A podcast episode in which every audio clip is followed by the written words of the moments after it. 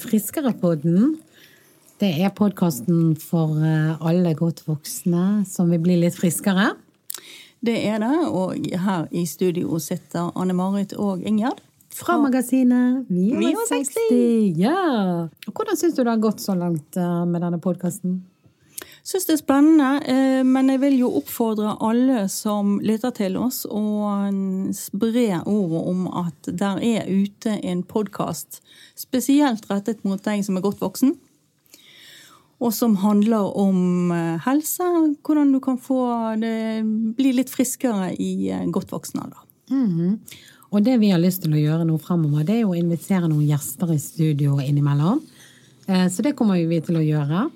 Eh, Vi har jo òg skaffet oss et eh, båndopptakerutstyr som eh, gjør at både du, Ingjerd, og jeg kan være utegående reportere eh, og ta opp i ulike settinger der vi ferdes.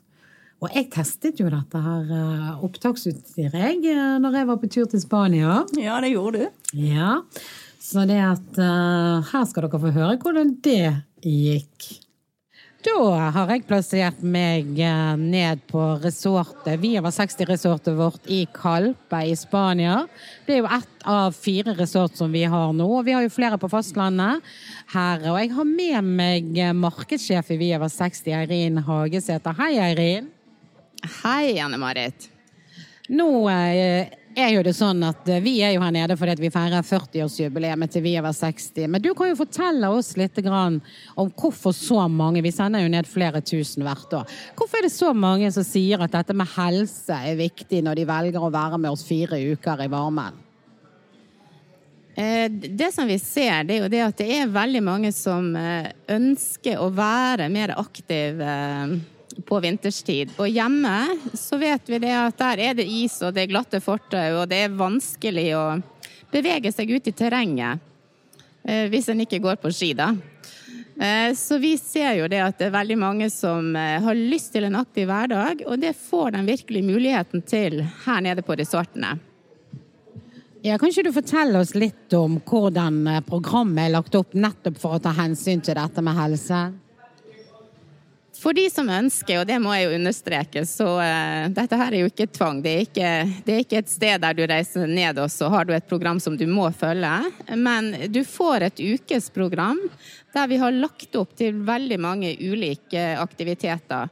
Uh, og for de som har lyst, så starter vi hver eneste morgen med en morgentur fra ca. klokken halv ni. Eh, Og da går en, eh, enten i raskt tempo eller i det tempoet en måtte ønske, en fin tur. Og her i Kalpe så er vi jo veldig heldige fordi at vi har en kjempeflott eh, strandpromenade som går i begge retninger. Og, eh, så vi vet at eller Det er jo litt sånn morsomt å stå og se når en står opp om morgenen. Jeg har ikke vært ute og gått den morgenturen i dag, men jeg så jo en kjempestor gjeng som sto samla utenfor hotellet. Og når klokken var slagen, så gikk alle i godt tempo eh, langs med, med strandpromenaden. da. Ja, og nå sitter jo vi nede i det vi kan kalle stuen og oppholdsrommet, der eh, våre gjester kan sitte på dagtid. Og vi ser jo det, det er her vi har kontor også, og her får jo de hjelp til alt mulig som de trenger da, av de vertene som vi har ansatt. Eh, og jeg tenker det at eh, det er jo viktig å understreke akkurat dette her, at ting er frivillig, ikke sant? Dette er ikke noe treningsleir eller noe sånt, men kan du si litt mer? Jeg vet jo det at de skal ha trim, og det som jeg tror kommer til å skje nå, Eirin, det er det at akkurat her som vi sitter, så kommer trimmen til å komme i gang. Eh, dette er jo noe som de faktisk har hver eneste dag. Da er det en spanjol som jobber her på hotellet, som drar i gang. Og nå ser jeg det at ganske mange i vår målgruppe og andre gjester kommer. Så nå kan vi få høre litt om det. Men du har jo sett dette før. Hva tenker du om den type tiltak som dette? Nei, jeg, jeg syns jo bare det her er en fantastisk god morgen eller måte å starte dagen på. det. Eh, og når vi snakker med gjestene våre, så er jo Sam Sam er den som leder trimmen her nede fra morgenen av. Og da er det en liten time med strekk og tøy og flott musikk og ja, veldig mye godt humør. Og vi, vi ser jo det at når den kommer derifra, så er den virkelig både oppglødd og eh, føler at det her var en kjempestart på dagen. Så energinivået har økt veldig. Og i tillegg til at vi har denne trimmen på morgenen, så går det jo nesten rett over i line dance. Så du kan si at først går du ut på morgentur for de som gjør det, så er det inn på trimmen, og så er det line dance. Wow, hva tenker du Eirin? Er dette noe vi òg skal være med på? Ja, vet du hva, det syns jeg absolutt. Eh, det er for de, som, for de som liker aktivitet, så er det her helt perfekt. Så nå tenker vi, nå hører dere at det er mye støy og mye leven rundt her. Nå fylles faktisk dette lokalet opp med både menn og kvinner. Det er jo litt morsomt å se at uh, både menn og kvinner er med, og alle sammen er over 60. Um, de fleste er nok fra Norge og er den gruppen som er med oss, men det er jo òg noen spanjoler. Eh, vi så jo på dette her forleden dag, Eirin, og eh, det var jo eh, ganske mye energi og smil og latter. Så jeg vet ikke, hvor mange vil du si er kommet nå, Eirin? Nei, jeg vil tenke meg at nå er det vel kanskje mellom 20 og 30 stykker som står på rekke og rad. Og det vi ser, det er jo det at dette her har de vært med på før. Eh, her kommer de akkurat som de er, med fargerike topper og joggesko og tights. Så ser jo egentlig vesentlig yngre ut enn det du kanskje skulle tro. Jeg vil jo tro det at eh, den eldste her kanskje er 75, noe rundt om det. Ja, hva syns du, Ingjerd? Er ikke det gøy? Være utegående rapporter. Altså, vi har jo lang journalistisk eh, bakgrunn, begge to. Og det som er litt sånn morsomt, da nå tok jo jeg opp når vi satt, jeg satt med kollega Eirin nede i spisesalen eh, på et av disse resortene som vi har i Varmen. Og der, mens vi sitter der og har møte, så kommer det altså inn 20-30 av våre gjester. Alle sammen over 60 kommer inn med Sam, som er altså en spansk mann som er deres yoga- og eh, nær sagt tøy og bøy-trener hver eneste dag på resortet der. Så jeg var jo bare nødt å ta opp og uh, fange det øyeblikket der de bare hopper og danser og har det bare så gøy. Så det var det dere hørte nå. Så, så vi kommer til å lage flere ting, vi fremover. Det gjør vi, og eh, ofte fokusert på um, fysisk aktivitet. Eh, for vi har jo 60 minutters bevegelsen vår. Mm. Um, som er en lukket gruppe på Facebook som uh, vi oppfordrer alle til å melde seg inn i også. Mm. Så, men du kommer vel til å ta med deg opptaksutstyret når du går på tur og plukker stein, eller uh, gjør alle disse rare tingene som du gjør i, på fritiden din? Ja, jeg går jo en del på tur. Jeg gjør jo det. Ja, nede i mm. Fjærestein, du går på tur med din datter, eller hva som Så det, det, er mange ulike settinger vi kan ta. Og vi har noen spennende gjester òg som vi har lyst til å introdusere nå i i ukene fremover, sånn at å høre hva slags forhold de har til sin helse. Eh, for det er jo, som dere òg hørte i innslaget dere nettopp hørte, eh, folk reiser altså vekk på langtidsferie, er med oss i fire uker. Og hovedfokuset vårt på disse stedene, det er jo faktisk helse. Ja, det er jo det. Det handler jo om å komme vekk fra vinterkulda, ned i et bedre klima, få være sammen med Eh, andre i samme aldersgruppe, mm. være med på aktiviteter. Mm. Eh, det er jo helsebringende i seg sjøl. Absolutt. Og, og det, er bare, det, er bare, så utrolig gøy å se på hva, for et engasjement. Der er jo en ukeplan med masse aktivitet. De begynner å gå på tur hver eneste morgen, altså klokken halv ni hver morgen. Ut og gå på tur. Uansett vær og vind. Og det har jeg i hvert fall sett etter å ha vært litt i Spania nå. Det er ganske mye vær i Spania òg på vinteren. sånn at eh, de tar på seg jakker, det kan regne, det kan blåse. Ut på tur. Og så er det da strekk og bøy og tøy eh, inne. Eh, masse folk som kommer hver eneste dag, og de har det så gøy å bare, bare se liksom, gleden spre seg. De syns dette er bare så kult. Og så kan det være akvagymnastikk i svømmebasseng. Det kan være litt lengre gåturer. Så det er veldig gøy også å se på. Ja, Har du deltatt på noe av det? Har du gått med på noen turer? Jeg har vært på noen av morgenturene, og jeg syns det er fantastisk. For det er jo å gå langs stranden. Eh, det ene stedet vi har, da er det en flott strandtur. Eh, det er nede i Calahonda i Malaga. Oppe i Kalpe, der som dette opptaket ble tatt, der er det tur òg eh, langs stranden. Men vertene legger jo opp til fem-seks ulike ruter, sånn at de varierer litt. De aller tøffeste de går jo opp på Kalpeklippen, som er store klippen Ja, som den er tøff. Der, eh, der har ikke jeg gått, altså. Så eh, sorry. Men som vi hørte i eh, forrige episode, så hadde du noen andre utfordringer når du var på reise. Nå med den livsstilsendringen som du holder på med. Ja, det hadde jeg. Og eh, det som jeg tenkte vi skulle snakke litt om i dag, det var jo dette her med Snakke litt mer rundt dette kostholdet som jeg faktisk da eh, har valgt å, å gå på. Um, eh, det er jo det som kalles et ketogent eh, kosthold. Eh, det er jo en eh, type lavkarbo-retning. Eh, Lavkarbo kan være så mye. Noe er veldig sånn strikt, og der du bare kan spise veldig, altså relativt få karbohydrater om dagen, og noe mer sånn moderat, der du kan spise litt mer. Fordi at jeg skal ned i vekt. Og det er et poeng i seg sjøl, for det er jo mange som kan gå på et lavkarbokosthold uten å skulle gå ned i vekt, og på et eller annet tidspunkt så skal ikke du mer ned i vekt, og da skal du bare stabilisere ting. Men fordi at jeg har valgt eh, eller skal ned i vekt, så har jeg valgt å gå på det som heter et ketogent eh, eh, kosthold. Og det er rett og slett såpass lite, det er bare rundt 20 karbohydrater om dagen, cirka. Eh, og det, det bidrar til at, sånn, kit, at det utløses ketogener i, i kroppen din, da, som gjør at eh, det blir på en måte det som er fuel. Altså du omprogrammerer hele forbrenningssystemet. Um, og det er veldig effektivt for vektnedgang. Uh, Det betyr det at uh, du kan velge mange færre matprodukter enn det du kan hvis du går på et mer moderat uh, lavkarbo. Da. Vi har jo snakket litt eh, tidligere om hvorfor jeg har valgt lavkarbo. Av alle mulige slags retninger som finnes, er jo det det som jeg i hvert fall har lest meg frem til, og som forskningen viser har veldig god effekt på diabetes type 2. Sikkert andre retninger òg, som er positiv og, og god for den, men jeg har valgt denne fordi at jeg er ømfintlig for karbohydrater. Og da tenker jeg at eh, fjerne det som på en måte er triggeren. Eh, sukker og karbohydrater er trigger i min kropp. Da må jeg bare liksom redusere tilførsel ut av det. Når du da er på eh, et ketogent eh, kosthold, så er det litt begrenset med matvarene eh, du spiser. Ja, hva, hva kan du spise? Nei, altså når jeg er hjemme, så jeg kombinerer jo dette ketogene kostholdet med eh, periodisk faste. Eh, og det, det, skal, det er enda mer effektivt. Altså da er det på en måte litt sånn som vi snakket om i en tidligere pod.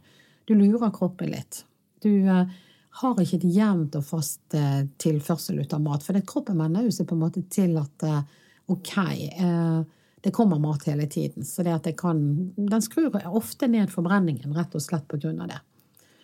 Så det å manipulere litt med forbrenningssystemet ditt, da, rett og slett, det er jo mange som derfor anbefaler at du skal ha periodisk faste. Jeg har jo, jeg begynte jo den første uken og andre uken på min eh, kostholdsomlegging med litt mer faste enn det jeg gjør i dag. Men jeg, eh, det fungerte dårlig for meg. Jeg, da, da skulle du ha sånne fastevinduer på 22-24 timer. Og det syntes jeg ble veldig hardt når jeg var både på reise og skulle få liksom jobblivet og hverdagslivet mitt til å fungere. Så det jeg gjør eh, nå, etter anbefaling egentlig fra legen eh, min, Sofie Hekseberg, det er å droppe frokosten. Trenger ikke å spise før til lunsj. Så du spiser ingen eh, frokost i det hele tatt? Nei. eh, Og det er egentlig veldig enkelt. For når når du eh, legger deg om kvelden, så går du inn i periodisk faste. Du har jo eh, Du spiser jo ikke om natten. Ikke jeg i hvert fall. Gjør du? Nei, men Nei. Der, der er faktisk noen som gjør det. Ja, det er sikkert det. det er faktisk definert som en egen lidelse også, nattspising. Å, wow! Er det det? Mm, det visste jeg ikke. Det er en slags spiseforstyrrelse. Å ja, ok. Og det er til og med noen som spiser mens de sover. De vet ikke om at de spiser. Yes. Det er gjort, tatt film av dem. ja, det er helt fascinerende. Ja, jeg har sett noen ta film, de, og da har de avdekket at de faktisk har gått opp og Gjør de det i søvne, da, eller? Ja. Ja, vel, ok. Nei, jeg gjør ikke det. så da er det én lidelse mindre. Men eh, eh, Nei, jeg eh, så, Sånn normalt, da, så er jo det sånn at man går og legger seg, så har man hatt et eller annet måltid et eller annet sted på, på kvelden, eller på et tidspunkt. Og så sover jo du om natten, og det blir, da går jo du inn i en naturlig faste. Og så jeg forlenger egentlig den naturlige fasten fra natten, eh, og gjør det fastevinduet litt lenger. Og det, blir, det kan være sånn eh, en 12 til 15 timer eller noe sånt. Litt avhengig av når det siste måltidet var. Og eh, det er i hvert fall mye, mye, god dokumentasjon på at det er bra for kroppen. Eh, og jeg gjør det litt for å Jeg syns det er helt uproblematisk, det ene. Så jeg kan lage meg en kopp urtete om morgenen. Eller bare ta et stort glass med iskaldt vann. Eh, ta noe vann og kaffe når jeg kommer på kontoret, og så spiser jeg da salat eh, til lunsj på kontoret. Det er jo veldig enkelt for meg å kunne gjøre det. Altså det å kunne ha en salatbar og bare velge de tingene jeg sjøl vil ha, det gjør jo det helt ukomplisert. Eh, hvis ikke vi hadde hatt den situasjonen, så hadde jeg måttet eh, ta med en matpakke på en eller annen måte. Altså vi, nå er jo vi så heldige at vi får tilberedt eh, mat på kontoret. Um, hvis ikke det var løsningen, så ville det komplisert det litt. Da måtte jeg tenkt litt mer eh, aktivt rundt hvordan lage lunsj. Eh, men det slipper jeg da å gjøre i den, den vanlige dagssituasjonen. Jeg må tenke litt mer sånn når jeg skal ut og reise. Ja, eksempel når du eh, tok tog her forleden. Ja, det er akkurat sant. Da er det sånn at du vet at mattilgangen din det blir liksom kantinen på toget på NSB. Og de har for så vidt jeg alltid likt. Jeg liker veldig godt å ta tog. Det er en måte å jeg flytter egentlig eh, kontoret mitt over til toget, og så sitter jeg der og jobber. Jeg kan skrive gode ledere og artikler og alt mulig. Altså bare, jeg kommer rett og slett i en sånn flow. Så jeg, jeg, når jeg kan gjøre det, så gjør jeg det. Og det, det tar ned litt sånn stress i hverdagen òg. Og jeg har egentlig likt veldig godt kantinen på toget på NSB. De har hatt en veldig god lapskaus. Nam, nam. og det er bare min mor og NSB som lager god lapskaus, pleier jeg å si. Men, eh, og, og det, så den har jeg egentlig alltid liksom hatt glede ut av å spise. Da. Sittet meg i denne kantinevognen eller den spisevognen deres. Og så har jeg gjerne sittet der et par timer og lest og spist og sånne ting. Men da jeg da begynte eh, på denne kostholdsomleggingen og tok min første togtur, så oppdaget jo jeg at hjelp, altså det er jo rett og slett ingenting her jeg kan spise. De har sunne alternativer, men det er jo gjerne sånn yoghurtblanding eller et eller annet sånt. Og yoghurt er jo det mye sukker i. Yoghurt er en av de tingene jeg ikke spiser fordi at ikke, ja, rett og slett fordi at det er mye sukker i yoghurt. Og fordi at jeg ikke skal eh, spise så mye meieriprodukter. Jeg skal helst ikke spise meieriprodukter. Har... Det, det, har noe med at du har en matintoleranse i, i tillegg? Ja, sant? og der, dette med melkeproteiner er en, eh, en, av de tingene som jeg reagerer eh, sterkest på. Da. Sånn at når jeg da sto og så i denne spisevognen hva som var tilgjengelig, så var det egentlig ingenting. Og det betyr jo det at når du skal ut på togtur, så må du rett og slett lage med deg mat. Fordi at altså, over fjellet så tar det 6,5 til 7,5 mm. timer. Så det jeg gjorde nå når jeg var på tur nå sist uke, det var å gå innom lunsj. Baren i Vi var 60. Så jeg lagde meg rett og slett en god salat eh, på kontoret. Tok toget over, og så supplerer du med litt kaffe i vann. Og, da, og det som òg er veldig ok, det er at du finner produkter etter hvert som er innenfor det du kan eh, kose deg med. Så det fins noen sånne energidrikker som en produsent har laget som er helt uten karbohydrater. Og jeg har aldri vært noen sånn tilhenger av den type sånn eh, energidrikker eller sånt. Men innimellom så er det bare sånn at du bare kjenner et veldig sånn sug og et behov etter noe annet enn vann og kaffe. Mm. Sånn at eh, på togturen så unner jeg meg en sånn. Men det betyr at dette, denne kostholdsomleggingen din krever jo både viljestyrke og um, innimellom en del planlegging. Ja, du må planlegge mye mer. Altså det, det, er jo det jeg virkelig ser at uh, Små og store ting, faktisk. Altså bare det at du skal uh, Nå skal vi snart i uh, bursdagsbesøk til ettåringen i familien, ikke sant? Det siste barnebarnet som er kommet. Da vet jo jeg det at det er jo ingen som tenker på at jeg går på noe lavkarbo-kosthold der. så, så, det er jo liksom sånn OK, skal, hva gjør jeg da? og da er sånn en av utfordringene som sikkert mange av dere som lytter eh, på, vil kjenne igjen, det er jo det at når du blir invitert i selskap og andre vertinner og sånne ting altså Det er jo noe med å ikke opptre så uhøflig heller. Sant? Det er noe med det å ikke bli så utenfor i det, i det sammenhenget. Så jeg har liksom tenkt på at eh, hva skal jeg gjøre da? Eh, For jeg kan godt tåle å sitte der og se på at de koser seg med kaker og hva det måtte være. Men jeg blir jo liksom litt sånn på utsiden, så, så kanskje jeg skal ha en eller annen uh, proteinbar i uh, væsken eller et eller annet som gjør at jeg òg kan tygge på noe mens de andre tygger. Jeg vet ikke. Det, du kan drikke vann, og du kan drikke kaffe. Jeg spiser jo ikke noe særlig frukt, sant? for når du går på ketogendiett, ketogen så er jo frukt altså Frukt er jo veldig mye fruktsukker. Ja, det er det jo. Ja, eh, sånn at det også på en måte eh, kan liksom ikke angripe fruktkurven og eh, sånne ting som ofte står, sant, som de fleste tenker på som sunt og godt, det er ikke innenfor det som jeg spiser for tiden. Sånn at det krever absolutt litt tenkning. Det gjør det. Det er mange situasjoner der jeg liksom har sittet meg ned og liksom tenkt hva En ting er hvordan jeg vil stå i dette, men hvordan vil vertskapet stå i å få meg på besøk? Det som jeg har eh, setter veldig pris på, sånn som nå når vi spiller inn denne podkasten, så er jo det mandag. Sant? For vi sitter jo og spiller inn om mandagen, Inge. Og da hadde vi en familiemiddag i går, eh, som var søndag. Og da har jo jeg en datter som har hevet seg litt på den samme biten, som litt sånn supplerende og støttende til moren. Men jeg tror jeg nevnte tidligere òg, hun har slitt med cøliaki mm. og migrene. Og eh, har kjent og fått en veldig god effekt ut av og har lagt om til dette samme kostholdet. Så hun har jo vært en veldig god backup, og hun er utrolig god på kjøkkenet. Og, eh, så vi hadde jo et herrens måltid ute hos henne i går. Og det er bare sånn det er da jeg liksom virkelig skjønner liksom betydningen av å kunne kokkelere for det er jo egentlig ikke begrensninger i variasjon her. Det er veldig, veldig mye god mat som jeg kan spise. Litt av min utfordring er at jeg ikke er så glad og så god i å stå på kjøkkenet sjøl.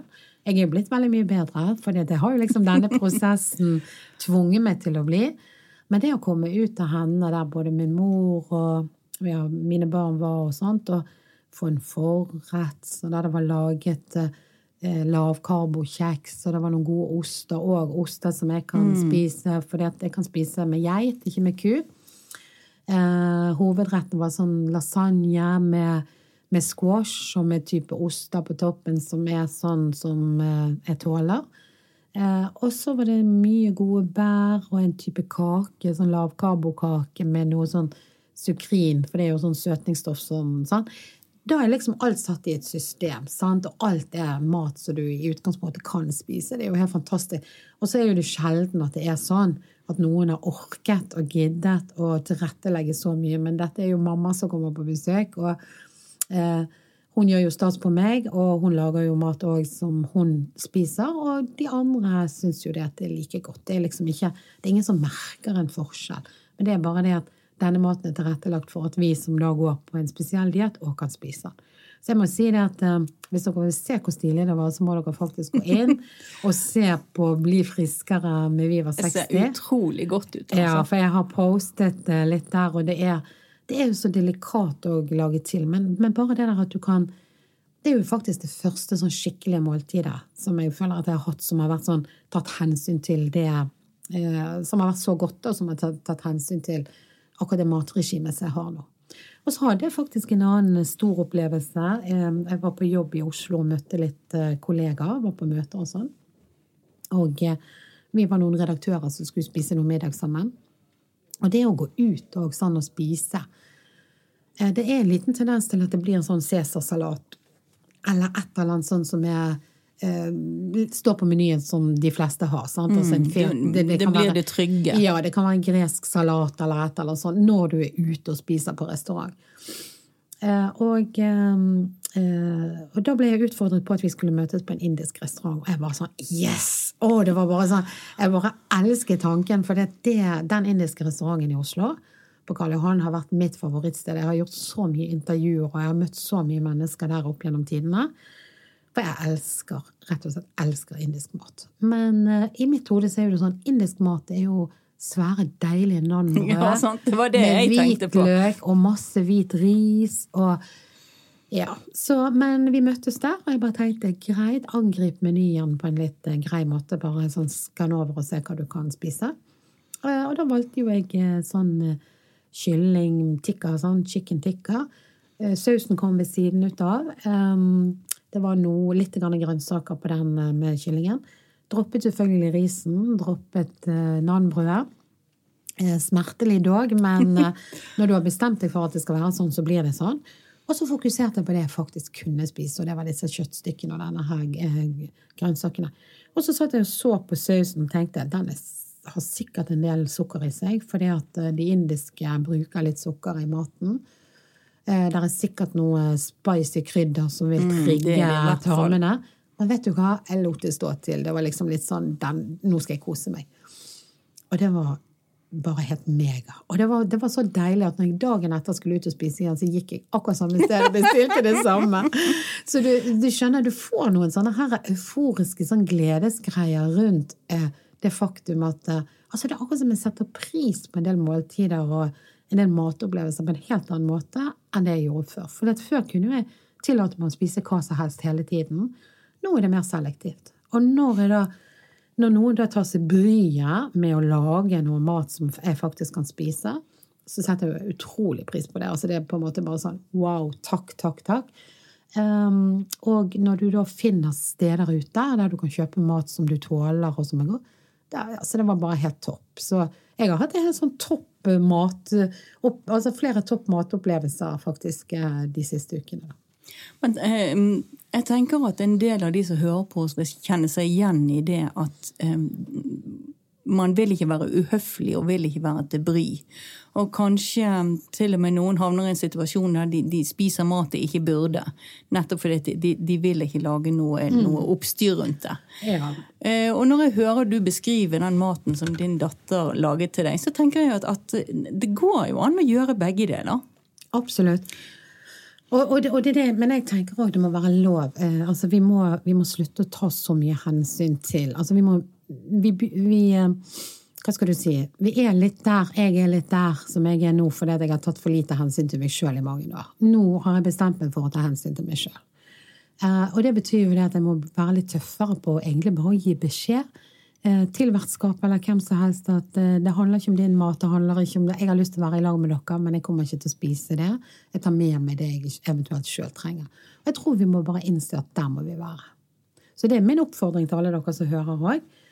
Eh, hvis du skal få til en endring, så må du først og fremst tenke på deg sjøl. Og så eh, spise noen sure kameler innimellom. Men altså det der å, å si nei til sosiale settinger bare fordi at man skal unngå mat, eller ikke tør å si nei, eller er redd for å fornærme noen, eller noe sånt, det, det tenker jeg er tull. Da er det heller bedre å være åpen og si det, eller hviske i øret, eller et eller annet. Eller bare være. Men, men jeg skjønner at det er vanskelig. Jeg kan oppleve det sjøl. Jeg har hatt noen eh, runder nå i disse ukene der, altså eller disse månedene som det etter hvert nå blir, eh, eh, der jeg syns det har vært litt sånn ubehagelig, og der jeg kanskje har syntes at vertskapet har vært kanskje litt lite forståelsesfull. Men på den andre siden, ok, det er deres greie. sant? De fleste respekterer jo de valgene som du gjør. Det handler vel mer om at vi må være tydelige, vi som er på eventuelt en uh, diett. Og så tenker jo jeg at det er jo ikke det mest naturlige at når jeg blir invitert til sted, at folk skal liksom lage menyen etter meg. Det er jo meg som er i mindretall. Sånn at jeg må jo tilpasse meg, og det gjør jeg med glede. Men det er jo desto, desto kjekkere de gangene du faktisk kan komme et sted der det er liksom laget for eh, at det òg skal være helt uproblematisk for deg. Sånn. Det, men jeg vet jo at det vil være unntakene. Men gøy var det. Vi skal jo eh, snakke om noe som ikke er så positivt. Det skal vi. Vi skal snakke om, om det som heter selvskading. Ja, Kan ikke du fortelle litt om hva er selvskading for noe? Selvskading det er eh, en, noen, noen bruker som en følelsesregulator. Og når vi snakker om selvskading, så eh, tenker sikkert veldig mange på kutting. De har kanskje sett eh, bilder av spesielt unge, eh, ofte unge jenter som har kutt oppetter armene som de har skåret med barberblad. Det virker jo veldig, veldig brutalt å gjøre skade på sin egen kropp.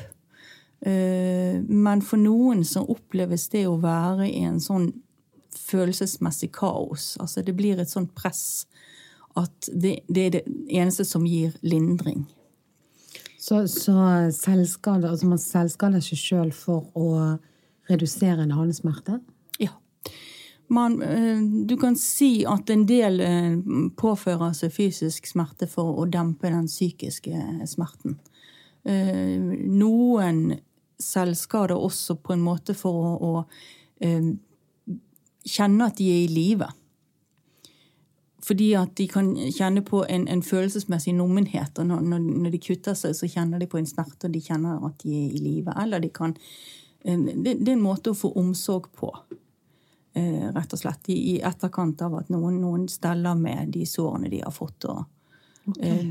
Er, det, er, det, klassifisert som en psykisk sykdom? Ja, det er klassifisert som en psykisk sykdom. Mm. Det har um, en del likhetstrekk med spiseforstyrrelser som vi har snakket om tidligere. Akkurat. Dette med den, å, å, bruke noe som en følelsesregulator.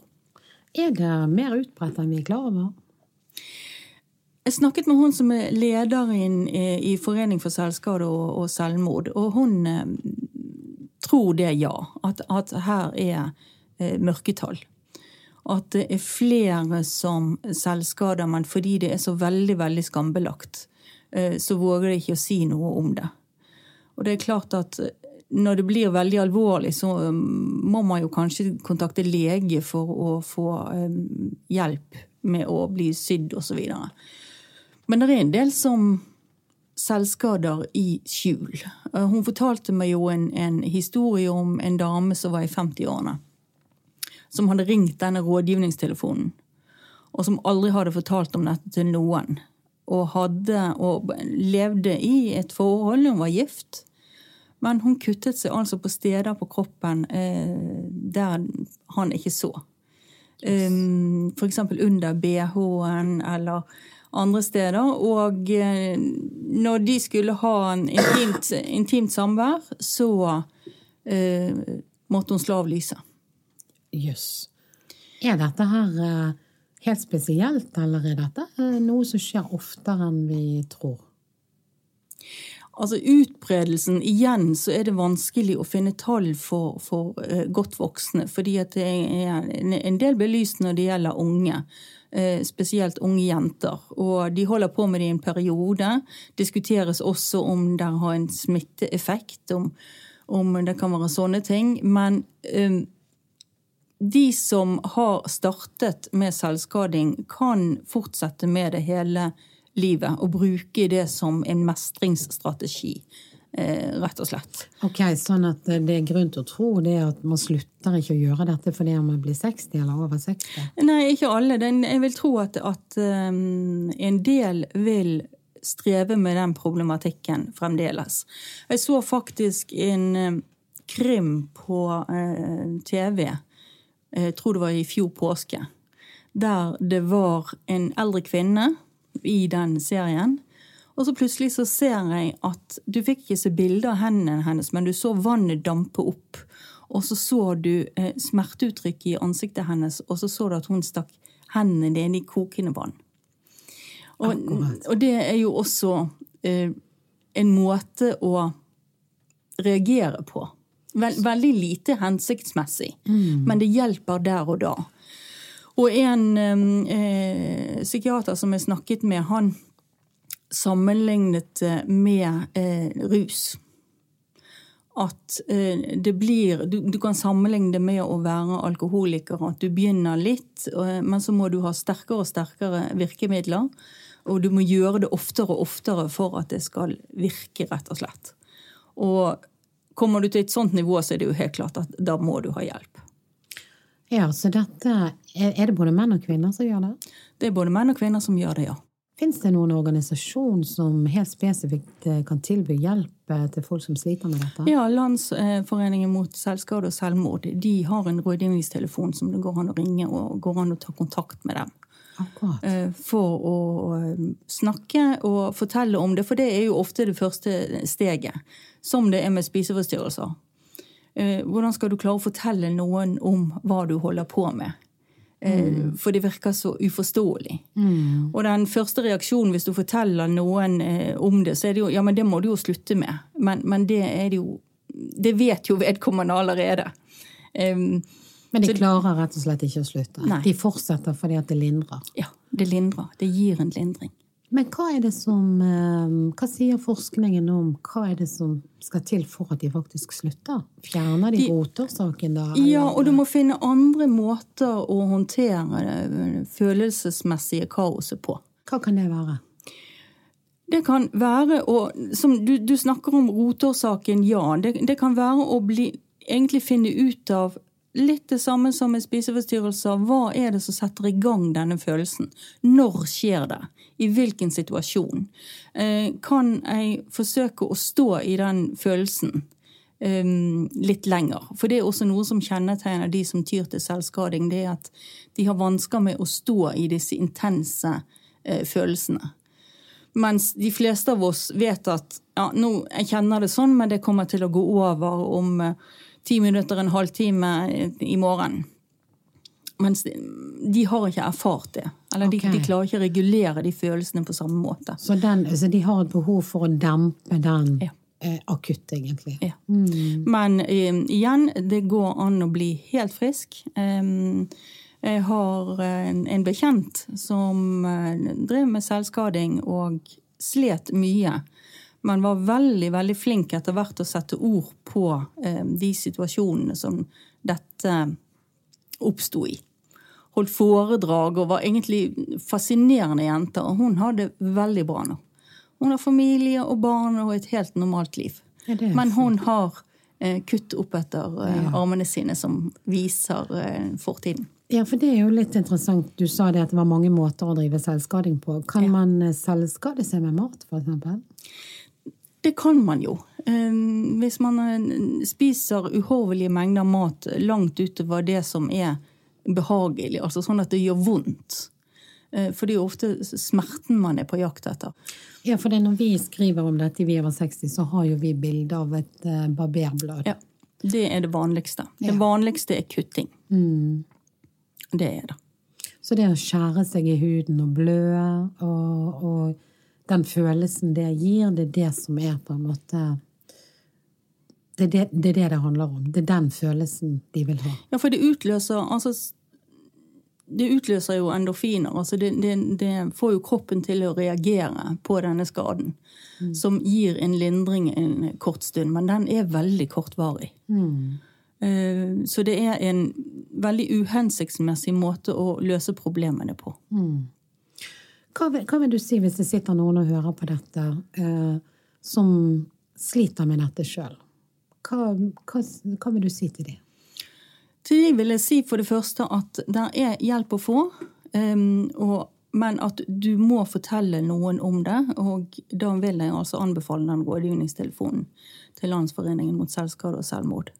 Og bare så det er sagt, altså det er de som selvskade har ikke noe ønske om å ta livet av seg. Nei, så det er ikke direkte link mellom det å selvskade seg og det å være på toppen av selvmordsstatistikken, Nei. Nei. Eh, men noen ganger så kan du selvskade eh, så mye at eh, det er fatalt.